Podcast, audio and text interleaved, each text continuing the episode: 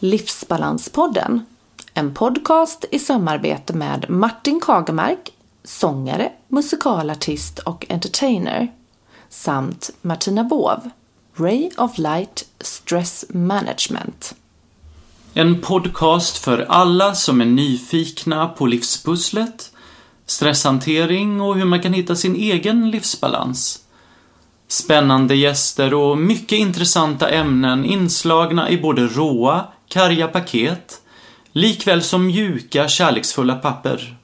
Hur ska vi leva våra liv i balans i en samtid som ständigt påminner oss om förbättringar, effektiviseringar och jäkt för att få vår viktiga livsbalans? Livsbalanspodden presenteras i samarbete med Sverigehälsan, landets ledande utbildningar inom stresshantering, friskvård, kost och hälsa. Läs mer på sverigehälsan.se. Vi träffade Jenny, hypoteriosdiagnostiserad med utmattningsproblematik, hemma hos henne i Göteborg. Detta är intervju del 2.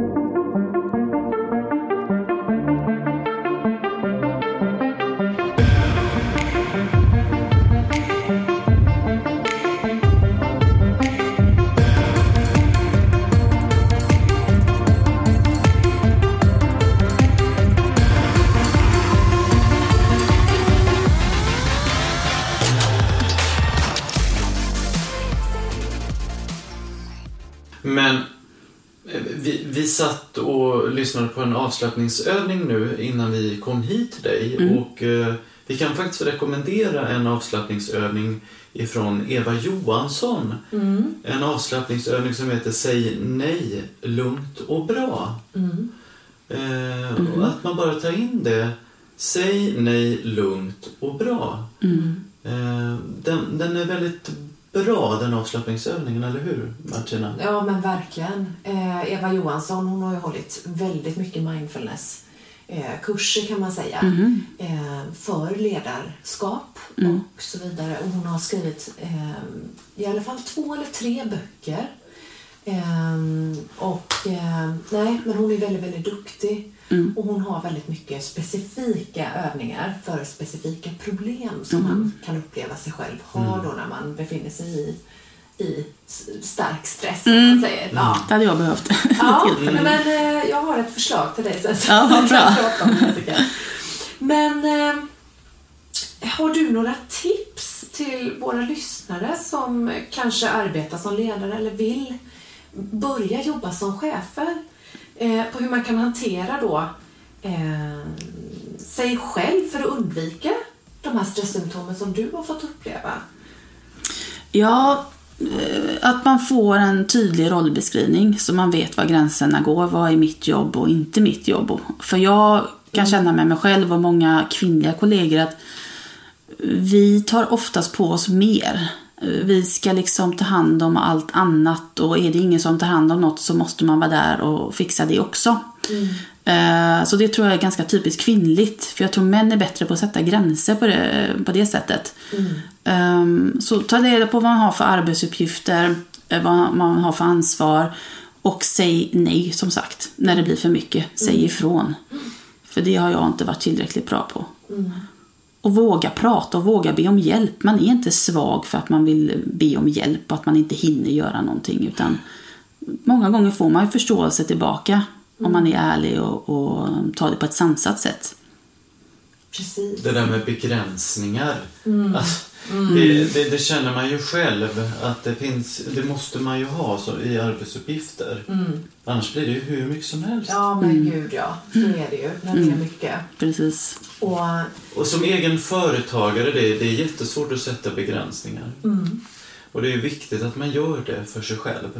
Att det blir ett kryss i veckan Ja. där man inte gör någonting Precis. på återhämtning. Eller två eller tre kryss. Det är upp till var och en.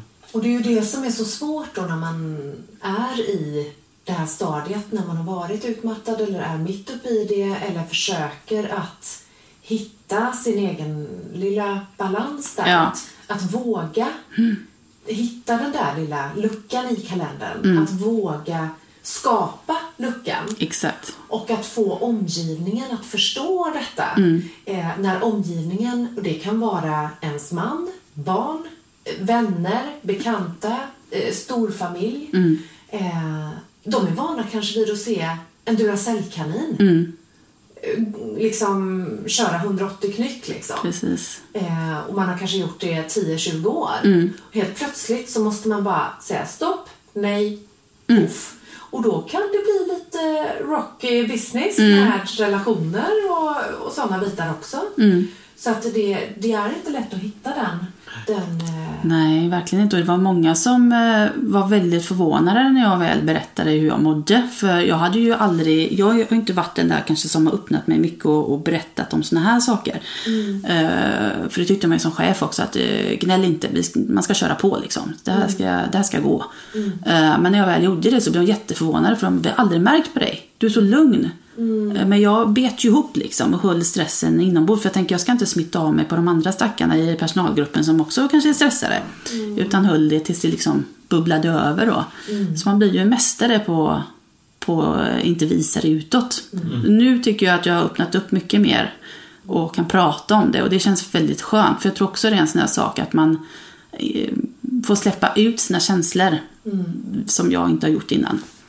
Och det är som du säger, man har sprungit runt som en Duracellkanin innan. Och nu gör man inte det. Ehm, och det kan jag känna, det kämpar jag fortfarande med idag. Att jag har ju haft blodsmak i munnen under många år när jag har jobbat. Man ska ha så sjukt mycket att göra så att man nästan inte hinner andas. Och nu då så kan jag andas i min nya tjänst. Och då får jag nästan lite dåligt samvete ibland. Har jag för lite att göra nu? Ska jag inte ha sådär mycket att göra så att jag eh, nästan kräks? Eh, liksom. Eller så blir man stressad för att man, man känner inte att man har tillräckligt. Ja. Vet inte riktigt vad, aha, men vad, vad, vad är okej att man gör då? Ja. Eh, och det var så himla roligt. Vi har ju pratat om detta i podden tidigare. Min eh, kära syster, hennes man, han var så himla bra. Vi satt hemma en kväll. Så de bor uppe i Stockholm. Och så hälsade de på då och så har de barn i samma ålder som, som oss. Och så sitter vi och pratar om detta med att bränna sin, sitt eh, ljus i båda ändar. Eh, och då säger han så här, han, ja, han är väldigt härlig. Säger han så här, "Åh, nej men alltså jag har aldrig förstått varför man eh, måste jobba på 110 procent. Jag fattar inte det. Man lägger 80 procent av sin kapacitet på jobbet så att man har 20 procent när man kommer hem. Och det var för mig, var det liksom en sån här revelation, eller vad säger man? Revelation? Ja, en total aha-ögonöppnare. Och när jag fattade att herregud, ekvation, min ekvation har ju fan aldrig gått ihop. Nej, precis. Så bara, men herregud, jag, har levt efter en, en helt annan ekvation. Och det säger de också när man har fått de här symptomen av stress så kommer man aldrig komma tillbaks på den nivån man har varit innan. Nej. Det tror jag aldrig jag kommer klara av i alla fall. Utan jag kanske har kört 100 men jag kommer bara landa på 75-80 nu. För att jag ska kunna fungera. Och man får ju acceptera det. Men jag, nu säger jag någonting här som stresspedagog och med eget bagage eh, där jag var väldigt, väldigt illa däran. Eh, man kan komma tillbaka. Kan man det? Och jag ska förklara för dig hur Ja, efter, gärna. efter podden. Mm. Vet du vad som görs gällande hypotyreos eh, forskningen idag då? Nej, det kan jag inte säga att jag vet. Jag har frågat flera gånger hos läkaren. Liksom, finns det inget annat sätt eller någon annan medicin? Och, visst, det finns ju ett alternativ. Men de tycker ju fortfarande att min, mina värden ligger så pass bra så jag ska inte behöva byta. Eh, och jag tror inte att de vet så mycket heller om vad som händer inom det området. För jag har aldrig fått några bra svar. Det enda är att jag har ju, stod ju på mig under fem till sju år någonting eh, för några år sedan här. När jag kände att eh, visst, jag äter vaccin men jag mår ändå inte jättetoppen som jag gjorde innan. Utan jag mår ju bättre men inte på den nivån jag vill ligga. Så att jag tjatar mig till att få komma till en specialist, en hormonspecialist på Sahlgrenska. Kommer dessvärre inte ihåg hennes namn. Eh, Men då gjorde de ju undersökningar på mig också där. Och då tyckte hon ju att jag låg alldeles för lågt i värdena. Och hon dubblade min dos med Levaxin. Och sa det att det finns någon sån där medelvärde som de går efter på vårdcentralerna. Men hon menar på att vi som har hypotyreos ska inte ligga på medel utan vi ska ha lite högre då. Så då ökade hon eh, min medicinering. Och hur mådde du efter det? Bättre. Ja.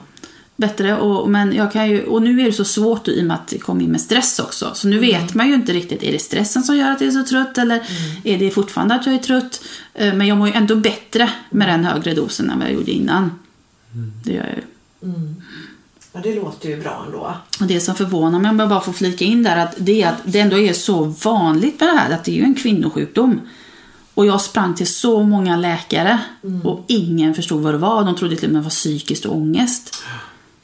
Eh, och så bara kommer jag in innanför dörren på vårdcentralen och så säger den kvinnliga läkaren att jag liksom är svullen runt kommer halsen. du ut rätt till rätt person? Ja. Alltså det är ju inte alla som har sånt. Nej, precis. Det låter Och, nästan som att hon borde varit någon form av specialist på sköldkörtelsjukdom. Ja, hon kunde Ja. kanske just den biten. Eh, och det är ju inte alla läkare eller sjuksystrar som kan Nej. allting. Utan de kanske ja, bara visste just det då. Mm.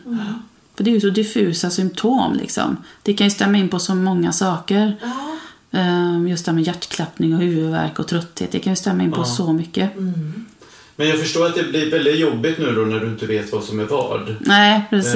Eh, Då ska jag ju upp nu och ta nya prover för just eh, hypertryosen och se hur ja, jag men det ligger är ju bra för då är du bra nivå där så då, då vet du nästan att det är utmattningssyndromet Ja. som stör det hela liksom. Precis. Och eh, då finns det ju verktyg du kan ta till kring det ju. Mm, För att få det lite mer balanserat. precis. Precis. Ehm, och vart kan man då vända sig om man misstänker att man skulle ha hypotyreos? Ja, det är ju de vanliga instanserna. Det är ju vårdcentralen kanske först och främst. Men som sagt, jag sprang till- på akuten flera gånger. Jag var på mödravårdscentralen och jag var hos flera olika läkare. Men det är väl vårdcentralen först och främst man får vända sig till. Och sen då om man känner att man fortfarande inte har blivit bra av medicinen så får man ju kräva att man ska få komma till någon form av specialist. Precis. Och hur tror du att det nya hälsoklimatet med stressen i samhället, där allting ska gå så snabbt, har påverkat människans utveckling i stort? Ja, jag har ju funderat mer och mer på det här för jag har ju inte riktigt haft tid att gå in i mig själv och jag har aldrig mediterat innan och jag har aldrig funderat på det här med sinne och jag ska ju vara helt ärlig så har jag känt att utbrändhet kan jag, jag kan inte bli utbränd för jag är inte den typen som kan bli det tills jag var på väg att bli det själv. Ehm, så jag tror mycket på det här med att sinne och kropp hänger ihop. Och visst, jag har ju gått och, och intalat mig själv att de här, jag mår bra. Fast jag innerst inne visste att det gjorde jag ju inte. Men att man vågar stanna upp och lyssna på, på sitt sinne. För det styr liksom alla kroppsfunktioner. Ehm, så jag tror i framtiden så måste vi verkligen tänka mer på, på arbetsmiljö. Ehm, att man värderar arbetsmiljö för människor lika mycket som man värderar pengar och vinst på ett företag. För det är ju ändå det som är liksom våra verktyg och våra grundstenar, det är ju de som jobbar. Ehm, Så att det behöver man verkligen ta med på allvar. Och jag tror att vi är på väg, för det är ju så vanligt idag och man ser ju mer och mer att det dyker upp eh, ja, liknande som er. Ehm, och, och att man får mer ehm, stöttning på arbetsplatser i sådana här frågor. Så jag tror det är på gång, hoppas jag. Ja, precis. Och vad har du för tips till våra lyssnare om hur man kan leva sitt liv i balans? Ja, det är ju så svåra frågor ni ställer. Men finns det någon rutin som du brukar göra? Ja. Ehm, ja, alltså jag var ju på en föreläsning om just mindfulness och sådär. Då sa de en sak som fastnade i alla fall. Och det var, de hade som en, en bild på ett batteri. Eh, med rött och grönt liksom. Hur mycket energi man gör åt och hur mycket återhämtning man får. Så har jag aldrig tänkt innan. Utan man kör ju på tills man kräks nästan. Eh, och då förstod jag verkligen att aha, man måste i princip ha nästan lika mycket återhämtning som man gör av med i energi. Eh, och det tror jag vi måste ta med på allvar. För det är så mycket man ska hinna med nu för tiden. Det är så många bollar i luften. Man har inte bara ett område man ska bemästra utan det är oftast väldigt mycket på jobbet med allt vad det innebär. Sen är det barn, ska hämtas lämnas på dagis. Sen ska du hinna med din fritid. Du kanske ska försöka ha en egen fritidssyssla. Barnen har fritidssysslor, kanske två, tre fritidssysslor. Sen ska du hinna med hemmet. Precis. Och, och, och så ska du hinna laga mat och så ska du hinna eh, handla. Och så ska du hinna med kärlekslivet. Och, alltså det, och det är så mycket krav ehm, på vad man ska hinna med. Så jag tror att vi måste sänka kraven. Sänka tempot i stort. Eh, Och ha en annan syn på, på vad livskvalitet är. Det är inte pengar och liksom eh, att allt bara ser bra utåt utan att man mår väl. Och som många andra i er podd har varit inne på, sociala medier. Jag tror inte bara att det är till ungdom och sociala medier men jag tror att vi kanske får eh, värdera om det lite. Rent praktiskt, hur skulle det gå till att få en återhämtning tycker du? Ja, det är jätteolika för olika människor. Mm, men, men för Eh, dig, för mig tips liksom på hur du återhämtar dig då så att det, eh, balansen är... Ja. Jag, jag har ju fått eh, i alla fall tillfället dra ner på umgänget tyvärr med, med vänner. Men det, kommer ju, det, det märker jag redan nu att det börjar komma igång igen. Men det tror jag man måste göra. Man måste isolera sig ett tag innan man kommer, in i den, kommer ur den mest akuta fasen. Men sen har jag ju känt att innan, jag gick ut på promenader ute, ute i naturen innan. Men nu känner jag verkligen så här, nu ser jag mig omkring. Eh, Innan gick man på promenad för det skulle gå fort och man skulle få motion. Nu, nu går man ut och njuter av luften och liksom ser träden och fåglarna. Det låter jätteflummigt men, men eh, Men det är inte så flummigt. det är inte det Nej, kanske. inte. Nej, det är ju inte det. Man tar in nuet på något sätt. thinking. Ja, Det, det där du beskriver, det är total mindfulness. ja Att lyfta blicken och att se det man har runt omkring sig. Ta precis. in alla sinnena. Dofter.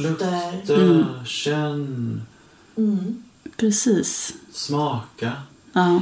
Jag menar, det här med att lyssna på fåglarna. Mm. Det är ju liksom fullständigt underskattat. ja, faktiskt. Ja, Ja. men det är verkligen Ja. så. Men det är ju inte flummigt utan det är ju att ta in. Mm.